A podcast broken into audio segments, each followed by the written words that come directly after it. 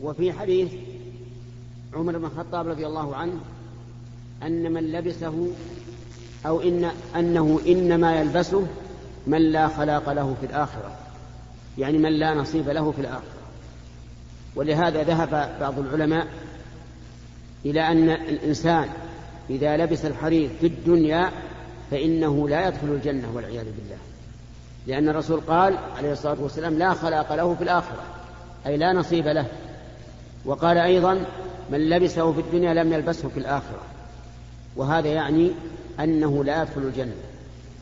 وقال بعض العلماء بل يدخلها ولكن لا يتمتع بلباس الحرير مع أن أهل الجنة لباسهم فيها حرير وإنما يلبس شيئا آخر. وهذا ما لم يتب فإن تاب من ذنوبه فإن التائب من الذنب يغفر الله له ذنبه. كما قال تعالى قل يا عبادي الذين أسرفوا على أنفسهم لا تقنطوا من رحمة الله. إن الله يغفر الذنوب جميعا.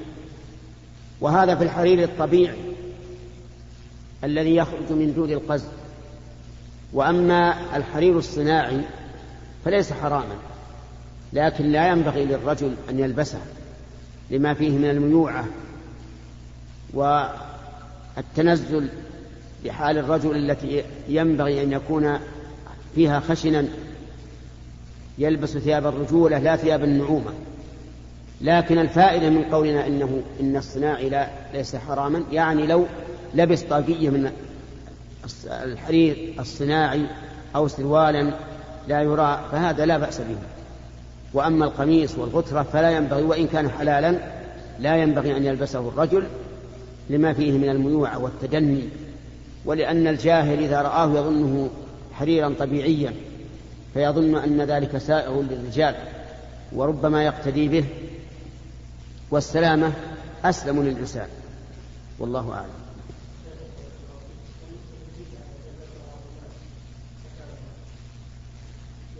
الدبلة من الذهب حرام على الرجل لا شك. وأما المرأة فإن قارن ذلك عقيدة اعتقاد أنها أنها تحبب المرأة إلى زوجها فهي حرام وإن كان بدون عقيدة فهي خاتم من الخواتم بسم الله الرحمن الرحيم. الحمد لله رب العالمين والصلاة والسلام على نبينا محمد وعلى آله وصحبه أجمعين. قال رحمه الله تعالى باب جواز لبس الحرير لمن به حكة عن أنس رضي الله عنه قال رخص رسول الله صلى الله عليه وسلم للزبير وعبد الرحمن بن عوف رضي الله عنهما في لبس الحرير لحكة لحك لحكة كانت بهما متفق عليه. باب, باب النهي عن افتراش جلود النمور والركوب عليها. عن معاوية رضي الله عنه قال قال رسول الله صلى الله عليه وسلم لا تركبوا الخز ولا النمار حديث حسن رواه أبو داود وغيره بإسناد حسن.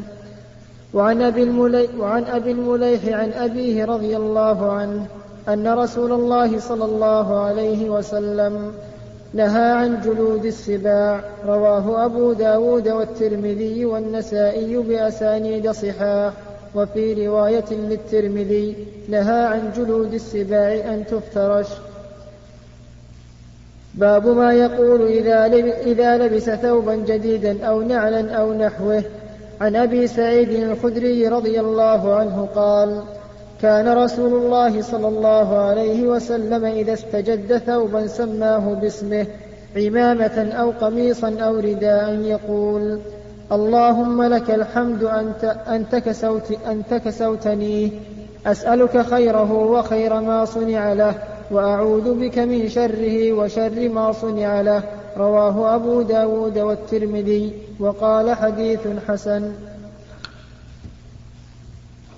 بسم الله الرحمن الرحيم. هذه الأحاديث بل هذه الأبواب آخر كتاب اللباس الذي ذكره النووي رحمه الله في رياض الصالحين.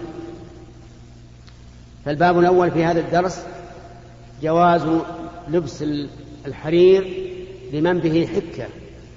وقد سبق أن النبي صلى الله عليه وعلى آله وسلم نهى عن لبس الحرير نهى الرجال. وقال إنما يلبسه من لا خلق له.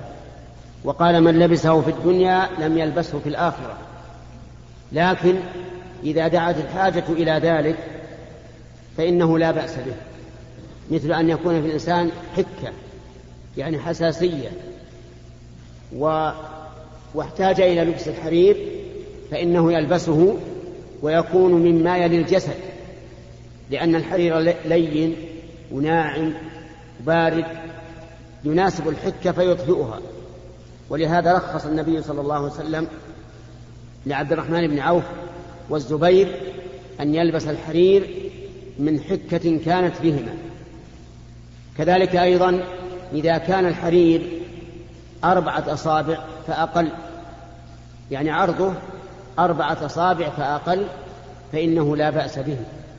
لأن النبي صلى الله عليه وعلى آله وسلم رخص في ذلك.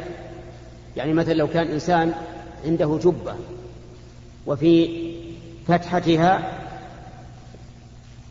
خيوط من الحرير أو تطريز من الحرير لا يتجاوز أربعة أصابع فإن ذلك لا بأس به. وكذلك إذا كان الثوب مختلطا بين الحرير والقطن أو بين الحرير والصوف وكان الأكثر الصوف والقطن يعني أكثر من الحرير فإنه لا بأس به. فهذه ثلاثة أمور. الأمر الرابع إذا كان في الحرب يعني التقى الصفان بين المسلمين والكفار فلا بأس أن يلبس الإنسان ثياب الحرير لأن ذلك يغيظ الكفار. وكل شيء يغيظ الكفار فإنه مطلوب. فهذه أربعة أشياء تستثنى. الأول ما هو؟ إذا كان لحاجة كالحكة و ويكون مما يلي الجسد والحكمة في ذلك واضحة. الثاني إذا كان أربعة أصابع فأقل. والثالث إذا كان مختلطا والأكثر ظهورا سوى الحرير. والرابع في الحرب من أجل إغاظة الكفار. فهذه المواطن المواضع الأربعة لا بأس لا بأس فيها من الحرير. أما الباب الثاني في درس اليوم فهو لباس جلود النمار. النمار جمع نمر وهو حيوان معروف. فلا يجوز للإنسان أن يلبس فروا من جلود النمار. وكذلك لا يجوز أن يلبس فروا من جلود السباع كما يدل عليه الحديث الآخر. فإنه لأن جلود السباع نجسة كل السباع نجسة. وأخبثها الكلب لأن نجاسة الكلب مغلظة لا يكفي فيها إلا الغسل سبع مرات إحداها بالتراب. أما ما سواه من السباع فهو نجس لكنه ليس بهذه الغلظة. وعلى كل حال فجلود الذئاب وجلود النمور وأي جلود أخرى حرام. كجلد الأسد مثلا يحرم لبسها وكذلك يحرم افتراشها لأن النبي صلى الله عليه وعلى آله وسلم نهى عن ذلك. يعني لو جعلتها جاعد تجلس عليه فإن ذلك حرام. أما جلود الضأن وجلود ما ما تحله الزكاة فلا بأس أن يفترشها الإنسان ولا بأس أن يلبسها أيضا لأنها طاهرة والطاهر لا بأس باستعماله. وأما الباب الثالث في درس اليوم فهو ما يقوله الإنسان إذا لبس ثوبا جديدا. لا شك أن أن الإنسان لا يملك لنفسه نفعا ولا ضرا إلا ما شاء الله. ولا شك أن ما نأكله ونشربه ونلبسه من نعمة الله عز وجل وأنه هو الذي خلقه لنا. ولولا أن الله يسره ما تيسر. لو شاء الله تعالى لفقد المال من بين أيدينا فلم نستطع أن نحصل شيئا. ولو شاء الله لوجد المال بيننا لكن لا نجد شيئا نطعمه أو نلبسه أو نشربه. قل أرأيتم إن أصبح ماؤكم غورا فمن يأتيكم بماء معين. فكل ما بنا من نعمة فمن الله ومن ذلك اللباس. فإذا من الله عليك بلباس جديد قميص أو سروال أو غترة أو مشلح أو فنيلة ولبستها فقل اللهم لك الحمد. أنت كسوتني وتسميه باسمه اللهم لك الحمد. أنت كسوتني هذا القميص أنت كسوتني هذا السروال أنت كسوتني هذه الغترة أنت كسوتني هذه الطاقية أنت كسوتني هذه الفنيلة أنت كسوتني هذا المشلح أي شيء تلبسه وهو جديد احمد الله. واللهم لك الحمد. أنت كسوتني أعوذ بك من شره وشر ما صنع له. من شره وشر ما صنع له. كيف شره؟ نعم شره ربما يكون هذا سبب شر عليك. ربما تأكل النار طرفه ثم تتقد حتى تقضي على على هذا اللباس وتقضي عليك أنت أيضا. ربما يكون فيه أشياء سامة ما ما تعلم عنها شيئا. فالمهم أنك تقول اللهم إني أعوذ بك من شره وشر ما صنع له. لأنه قد يصنع ويكون سببا للشر. فهذه ثلاث جمل. اللهم أربع اللهم لك الحمد. أنت كسوتني أعوذ بك من شره وشر ما صنع له. وأسألك من خيره وخير ما صنع له. والله موفق. بسم الله الرحمن الرحيم. الحمد لله رب العالمين والصلاة والسلام على نبينا محمد وعلى آله وصحبه أجمعين. قال رحمه الله تعالى كتاب آداب النوم والاضطجاع والقعود والمجلس والجليس والرؤيا. عن البراء بن عازب رضي الله عنهما قال كان رسول الله صلى الله عليه وسلم إذا أوى إلى فراشه نام على شقه الأيمن ثم قال نام على شقه الأيمن ثم قال اللهم أسلمت نفسي إليك. ووجهت وجهي إليك وفوضت أمري إليك وألجأت ظهري إليك رغبة ورهبة إليك. لا ملجأ ولا منجأ منك إلا إليك. آمنت بكتابك الذي أنزلت ونبيك الذي أرسلت رواه البخاري.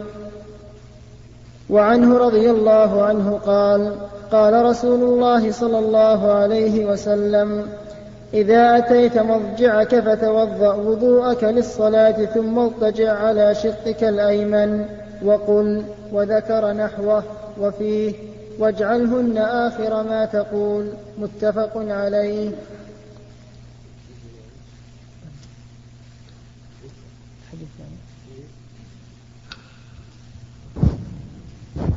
بسم الله الرحمن الرحيم.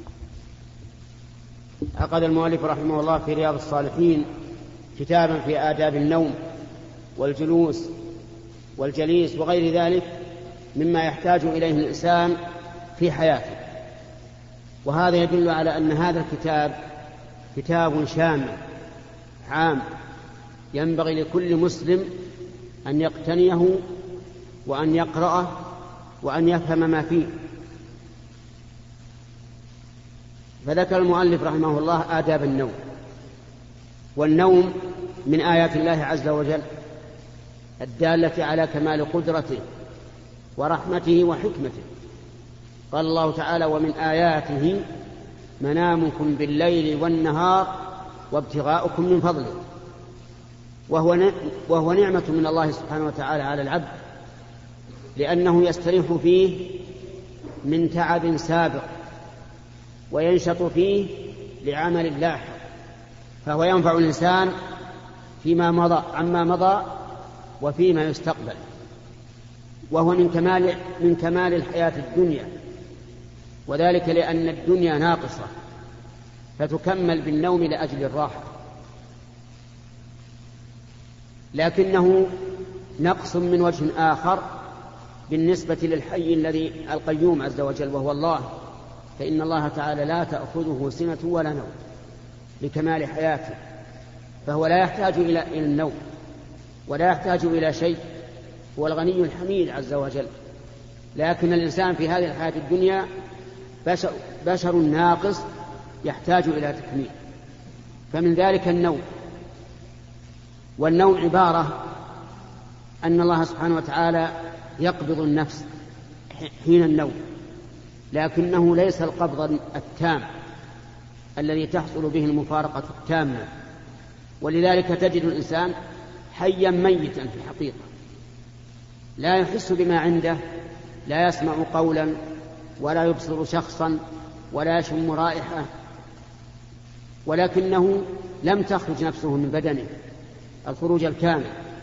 قال الله تبارك وتعالى الله يتوفى الأنفس حين موتها وهذه الوفاة الكبرى والتي لم تمت في منامها يتوفاها في منامها فيمسك التي قضى عليها الموت وهي الأولى ويرسل الأخرى وهي النائمة يعني يطلقها إلى أجل مسمى لأن كل شيء عند الله تعالى بمقدار كل شيء عنده بأجل مسمى كل فعله جل وعلا حكمة في غاية الإتقان. فهذا النوم من آيات الله عز وجل. تأتي القوم مثلا في حجرة في سطح في بر وهم, وهم, وهم نيام كأنهم جثث موتى. كأنهم جثث موتى. ثم هؤلاء القوم يبعثهم الله عز وجل. قال الله تعالى وهو الذي يتوفاكم في الليل ويعلم ما جرحتم بالنهار. ثم يبعثكم فيه ليقضى أجل مسمى ثم إليه مرجعون ثم إن الإنسان يعتبر يعتبر بالنوم اعتبارا آخر. وهو إحياء الأموات بعد الموت. فإن القادر على رد الروح حتى يصفو الإنسان ويستيقظ ويعمل عمل عمله في الدنيا قادر على أن يبعث الأموات من قبورهم. وهو على كل شيء قدير. من آداب النوم أن ينام الإنسان على الشق الأيمن لأن هذا فعل النبي صلى الله عليه وسلم وأمره. فالبراء بن عازب رضي الله عنه روى أن النبي صلى الله عليه وسلم يضطجع على شقه الأيمن.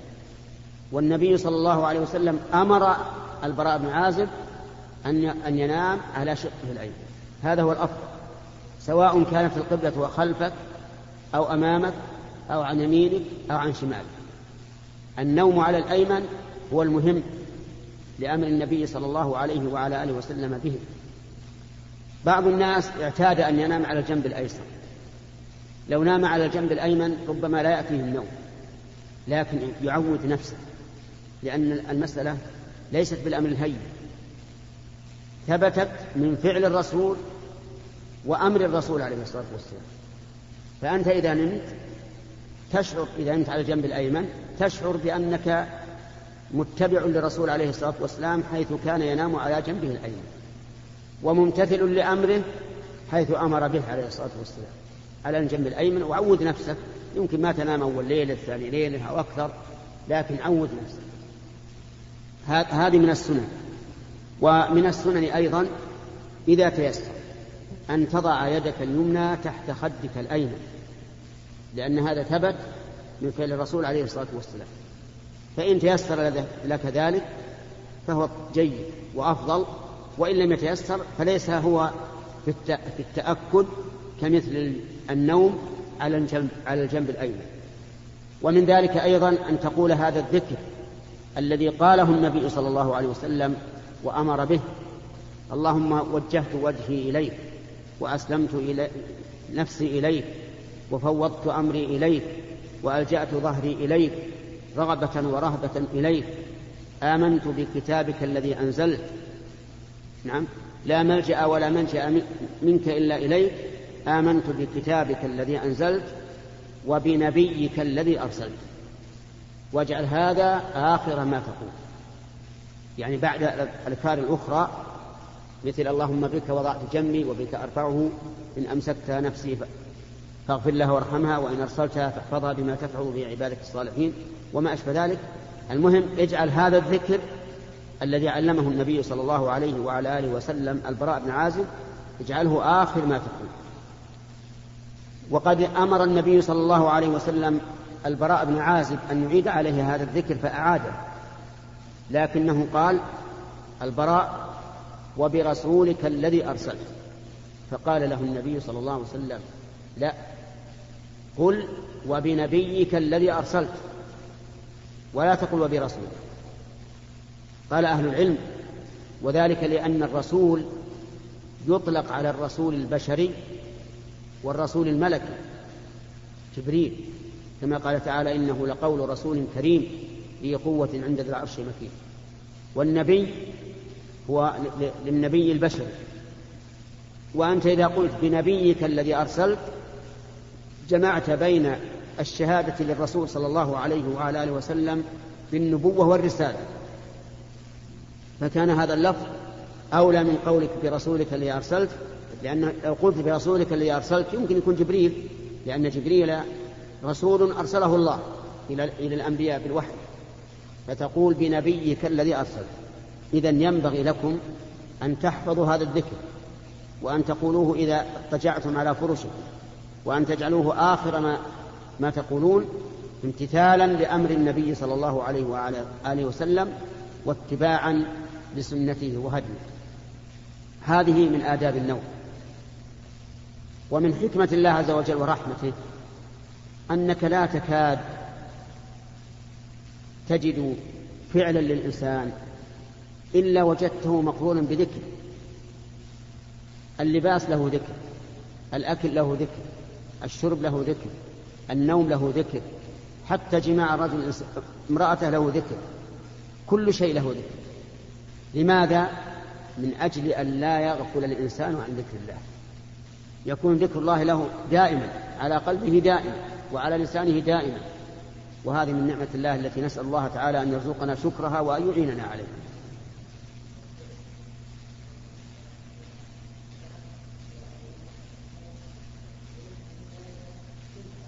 أي عود نفسك عود نفسك أي نعم مثل ما قلت. عود نفسك على شوي شوي. بسم الله الرحمن الرحيم. الحمد لله رب العالمين والصلاة والسلام على نبينا محمد وعلى آله وصحبه أجمعين.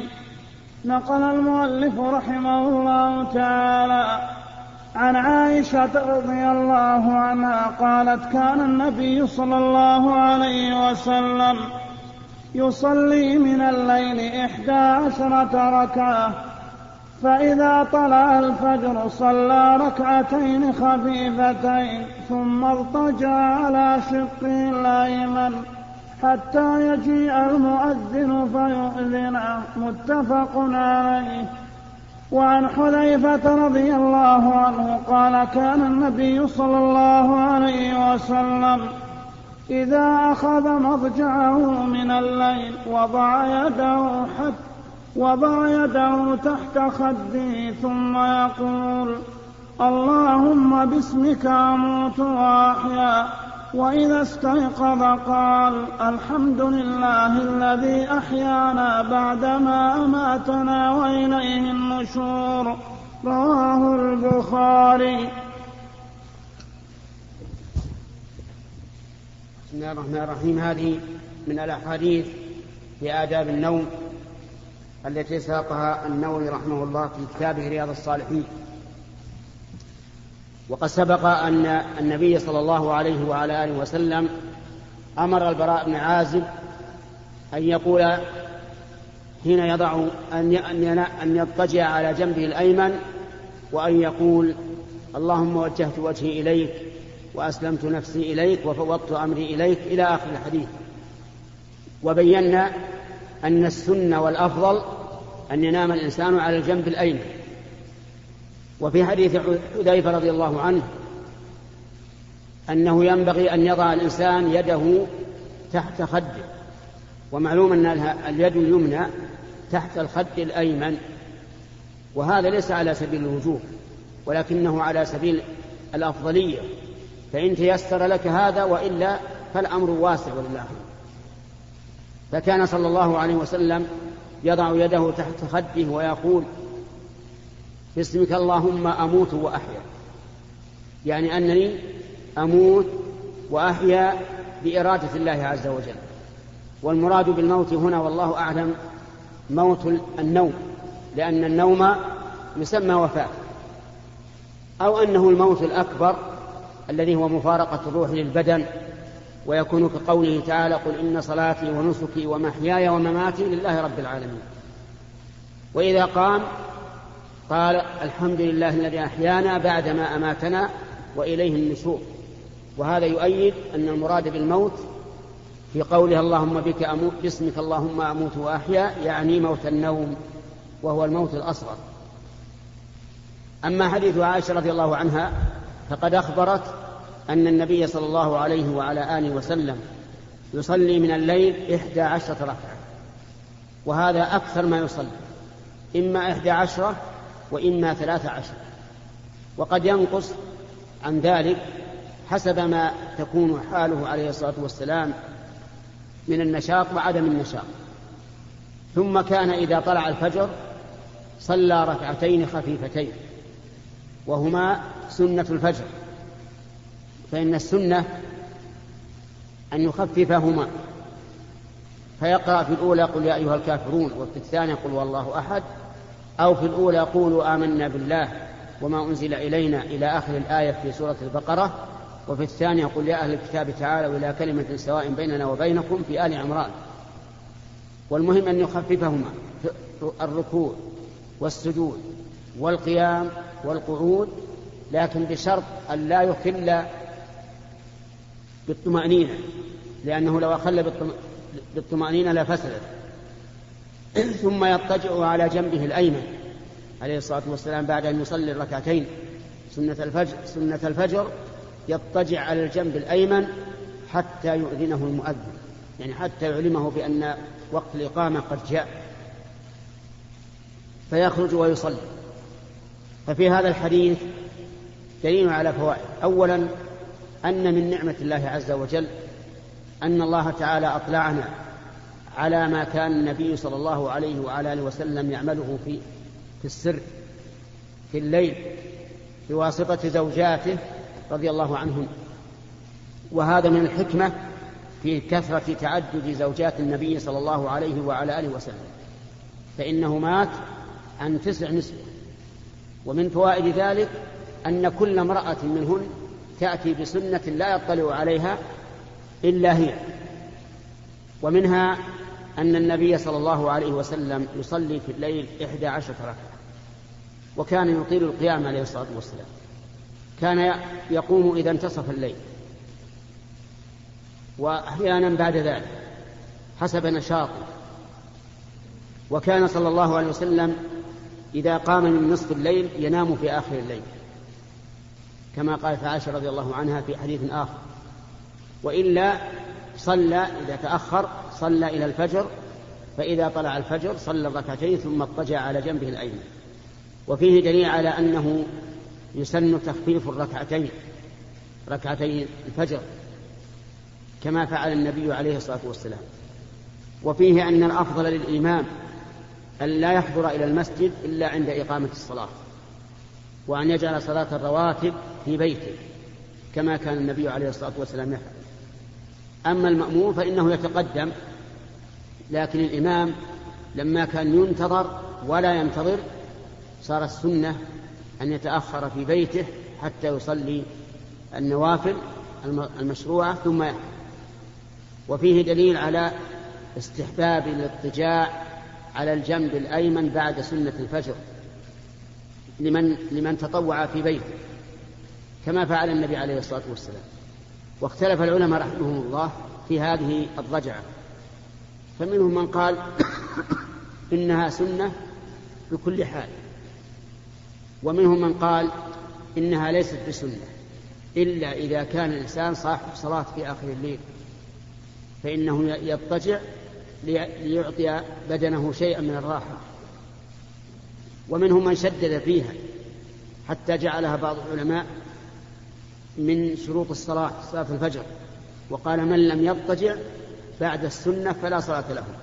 لكن هذا قول شاذ وإنما ذكرناه لنبين لكم أن بعض العلماء يأتون بأقوال شاذة بعيدة من الصواب.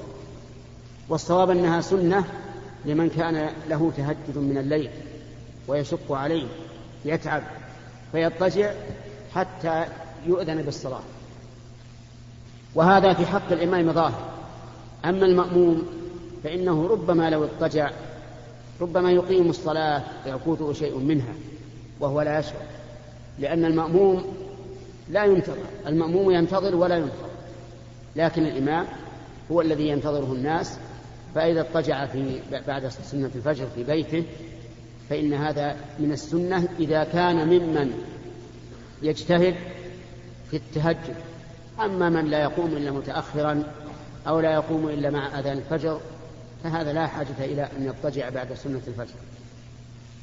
والله موفق. بسم الله الرحمن الرحيم. الحمد لله رب العالمين والصلاة والسلام على نبينا محمد وعلى آله وصحبه أجمعين. نقل المؤلف رحمه الله تعالى في سياق الأحاديث في كتاب آداب النوم والاضطجاع عن يعيش بن, ابن, ابن طخفة الغفاري رضي الله عنهما قال قال أبي بينما أنا مضطجع في المسجد على بطني إذا رجل, يح إذا رجل يحركني برجله فقال إن هذه ضجعة إن هذه ضجعة إن هذه ضجعة يبغضها الله. قال فنظرت فإذا رسول الله صلى الله عليه وسلم. رواه أبو داود بإسناد صحيح. وعن أبي هريرة رضي الله عنه عن رسول الله صلى الله عليه وسلم قال من قعد مقعدا لم يذكر الله تعالى فيه كانت عليه من الله تعالى ترة. ومن اضطجع مضطجعا لا يذكر الله تعالى فيه كانت عليه من الله ترة. رواه أبو داود بإسناد حسن. الرحيم هذه بقية الأحاديث الواردة في آداب النوم والاضطجاع ذكر فيها المؤلف حديث يعيش بن طه طخشة أو تخفى أنه قال حدثني أبي أنه كان نائما في المسجد على بطنه فإذا رجل يركضه برجله ويقول إن هذه ضجعة يبغضها الله عز وجل. فالتفت فإذا رسول الله صلى الله عليه وعلى آله وسلم.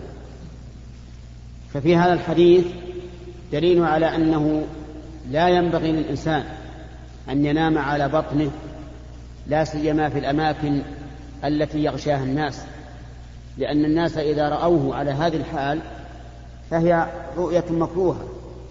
لكن إذا كان في الإنسان وجع في بطنه وأراد أن ينام على هذه الكيفية لأنه أريح له فإن هذا لا بأس به لأن هذه حاجة.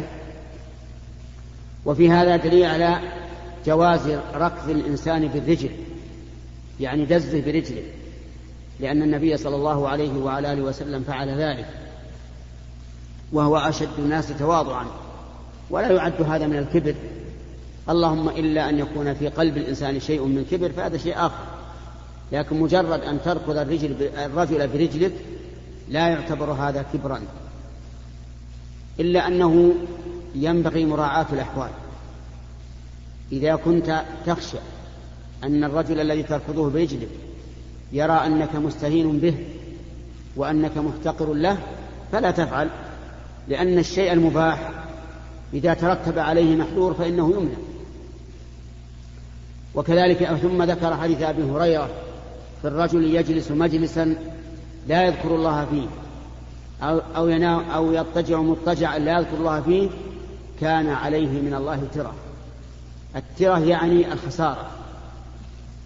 أن تجلس مجلسا لم يذكر لم ت... لا تذكر الله فيه فهذا خسارة لأنك لم تربح فيه. وفيه دليل على أنه ينبغي للإنسان أن يكثر من ذكر الله. قائما وقاعدا وعلى جنب. وكذلك إذا اضطجعت مضطجعا لم تذكر اسم الله فيه فإنه يكون عليك من الله ترى أي خسارة. فأكثر من ذكر الله دائما وأبدا. كن كمن قال الله تعالى إن في خلق السماوات والأرض واختلاف الليل والنهار لآيات لأولي الألباب الذين يذكرون الله قياما وقعودا وعلى جنوب. لتكون ممتثلا لقول الله تعالى يا أيها الذين آمنوا اذكروا الله ذكرا كثيرا وسبحوه بكرة وأصيلا. أعاننا الله وإياكم على ذكره وشكره وحسن عبادته. الحمد لله رب العالمين والصلاة والسلام على نبينا محمد وعلى آله وصحبه أجمعين. قال رحمه الله تعالى باب جواز الاستلقاء على القفاء عن عبد الله بن يزيد رضي الله عنه أنه رأى رسول الله صلى الله عليه وسلم مستلقيا في المسجد واضعا إحدى رجليه على الأخرى متفق عليه. وعن جابر بن سمرة رضي الله عنه قال كان النبي صلى الله عليه وسلم إذا صلى الفجر تربع في مجلسه حتى تطلع الشمس حسنا. حديث صحيح. رواه أبو داود وغيره بأسانيد صحيحة. وعن ابن عمر رضي الله عنهما قال رأيت رسول الله صلى الله عليه وسلم بفناء الكعبة محتبيا بيديه هكذا ووصف بيديه الاحتباء ووصف بيديه الاحتباء وهو القرفصاء رواه البخاري. وعن قيلة بنت مخرمة رضي الله عنها قالت رأيت النبي صلى الله عليه وسلم وهو قاعد القرفصاء فلما رأيت رسول الله صلى الله عليه وسلم المتخشع في الجلسة أرعدت من الفرق رواه أبو داود والترمذي. وعن الشديد بن سويد رضي الله عنه قال مر بي رسول الله صلى الله عليه وسلم وأنا جالس هكذا. وقد وضعت يدي اليسرى خلف ظهري واتكأت على إلية يدي فقال أتقعد قعدة المغضوب عليهم؟ رواه أبو داود بإس بإسناد صحيح.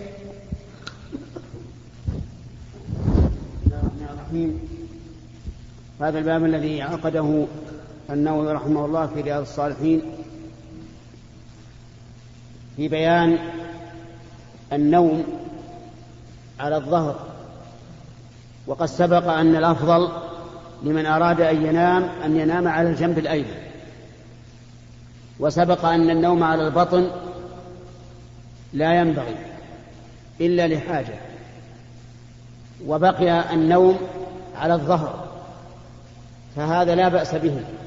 أي لا بأس أن يضطجع الإنسان على ظهره بشرط أن يأمن انكشاف العورة. فإن كان يخشى من انكشاف عورته بحيث يرفع إحدى رجليه فيرتفع الإزار وليس عليه سراويل فإنه لا ينبغي. لكن إذا أمن من انكشاف العورة فإن ذلك لا بأس به. وبقي شيء رابع وهو النوم على الجنب الأيسر. فهذا أيضا لا بأس به. فالنوم على الظهر لا بأس به. والنوم على الجنب الأيسر لا بأس به. والنوم على الجنب الأيمن أفضل والنوم منبطحا لا ينبغي إلا لحاجة أما القعود فإن جميع أنواع القعود لا بأس بها. لا بأس أن يقعد الإنسان متربعا كجلوس هكذا ولا بأس أن يقعد وهو محتبي القرفصاء يعني يقيم فخذيه وساقيه ويجعل يديه على مضمومتين على الساقين. هكذا. هذا أيضا لا بأس به لأن النبي صلى الله عليه وعلى آله وسلم قعد هذه القعدة. ولا يكره من الجلوس إلا ما وصفه النبي صلى الله عليه وعلى آله وسلم بأنه قعدة المغضوب عليه بأن يجعل يده اليسرى من خلف ظهره ويجعل بطنها بطن الكف على الأرض ويتكئ عليها فإن هذه القعدة وصفها النبي صلى الله عليه وعلى آله وسلم بأنها قعدة المغضوب عليه. أما لو وضع اليدين كلتيهما من وراء ظهره واتكأ عليهما فلا بأس. ولو وضع اليد, اليد اليمنى فلا بأس. إنما الذي وصفها النبي عليه الصلاة والسلام بأنها قعدة المغضوب عليهم أن يجعل اليد اليسرى من خلف ظهره ويجعل باطنها أي إليتها على الأرض ويتكي عليها يعني يتكي عليها. فهذه هي التي وصفها النبي صلى الله عليه وسلم بأنها قعدة المغضوب عليه. والله موفق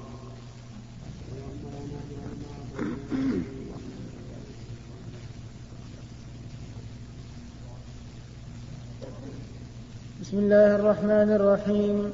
الحمد لله رب العالمين والصلاة والسلام على نبينا محمد وعلى آله وصحبه أجمعين. قال رحمه الله تعالى باب في آداب المجلس والجليس. عن ابن عمر رضي الله عنهما قال قال رسول الله صلى الله عليه وسلم لا يقين أحدكم رجلا من مجلسه ثم يجلس فيه ولكن توسعوا وتفسحوا. وكان ابن عمر إذا قام له رجل من مجلسه لم يجلس فيه. متفق عليه. وعن أبي هريرة رضي الله عنه أن رسول الله صلى الله عليه وسلم قال إذا قام أحدكم من مجلس ثم رجع إليه فهو أحق به. رواه مسلم. بسم الله الرحمن الرحيم. قال المؤلف رحمه الله في رياض الصالحين باب آداب المجلس المجالس والجليس. هذا الباب عقده المؤلف رحمه الله لبيان الآداب التي ينبغي أن يكون عليها الإنسان في مجالسه ومع جليسه. وقد ذكر الله سبحانه وتعالى في كتابه شيئا من آداب المجالس. فقال يا أيها الذين آمنوا إذا قيل لكم تفسحوا في المجالس فافسحوا يفسح الله لكم. والشريعة الإسلامية شريعة شاملة لكل ما يحتاج الناس إليه في دينهم ودنياهم. قال الله تبارك وتعالى ونزلنا عليك الكتاب تبيانا لكل شيء وهدى ورحمة وبشرى للمسلمين. وقال أبو ذر رضي الله عنه لقد توفي رسول الله صلى الله عليه وعلى آله وسلم وما طائر يقلب جناحيه في السماء إلا ذكر لنا منه علما. ولهذا تجد الشريعة بينت مسائل الدين الهامة الكبيرة كالتوحيد وما يتصل به من العقيدة والصلاة والزكاة والصيام والحج وما كان دون ذلك من آداب النوم والأكل والشرب والمجالس. ثم ذكر المؤلف حديث عبد الله بن عمر رضي الله عنهما أن النبي صلى الله عليه وسلم قال لا يقيم, لا يقيم الرجل أخاه من مجلسه ثم يجلس فيه ولكن توسعوا وتفسحوا. يعني إذا دخلت مكانا ووجدت المكان ممتلئا فلا تقل يا فلان قم ثم تجلس في مكانك. ولكن إذا كنت لا بد أن تجلس فقل تفسحوا توسعوا. فإذا تفسحوا وتوسعوا فإن الله تعالى يوسع لهم إذا قيل لكم تفسحوا فافسحوا يفسح الله لكم. أما أن تقيم الرجل وتجلس مكانه فإن هذا لا, لا يجوز. حتى في مجالس الصلاة. لو رأيت إنسانا في الصف الأول فإنه لا يحل لك أن تقول قم ثم تجلس في مكانه. حتى لو كان صبيا لكنه يصلي فإنه لا يحل لك أن تقيمه من مكانه وتصلي فيه لأن الحديث عام. والصبي لا بد أن يصلي مع, مع, مع الناس ويكون في مكانه الذي يكون فيه. وأما قول النبي صلى الله عليه وعلى آله وسلم ليلني منكم أولو الأحلام والنهى فهو أمر للبالغين العقلاء أن يتقدموا حتى يلوا الرسول عليه الصلاة والسلام. وليس نهيا أن يكون الصغار قريبا منه. ولو كان أراد ذلك لقال صلى الله عليه وعلى آله وسلم لا يلني إلا أولو الأحلام والنهى لكن ينهى. أما إذا أمر أن يليه أولو الأحلام والنهى أولو الأحلام يعني البالغين والنهى العقلاء. فالمعنى أنه يحثهم على التقدم حتى يكونوا وراء النبي صلى الله عليه وعلى آله وسلم يلونه يفهمون عنه شريعته وينقلونها إلى الناس. وكان ابن عمر رضي الله عنهما من ورعه إذا قام أحد له وقال يعني اجلس في مكاني لا يجلس فيه كل هذا من الورع. يخشى أن هذا الذي قام قام خجلا وحياء. من ابن عمر. ومعلوم أن الذي يهدي إليه أو يعطيك شيئا خجلا وحياء أنك لا تقبل منه لأن هذا كالمكره. ولهذا قال العلماء رحمهم الله يحرم قبول الهدية إذا علمت أنه أهداك حياء وخجلا. ومن ذلك أيضا إذا مررت بالبيت وعنده صاحبه وقال تفضل وأنت تعرف أنه إنما قال ذلك حياء وخجلا فلا تدخل عليه. من فضلك يعني هذا تقلب الشريط. فكان ابن عمر رضي الله عنهما من ورعه إذا قام إنسان يريد أن يجلس ابن عمر في مكانه لا يجلس فيه خوفا من ذلك. خوفا من أن يكون حياء وخجلا وحينئذ يكون كالمكره.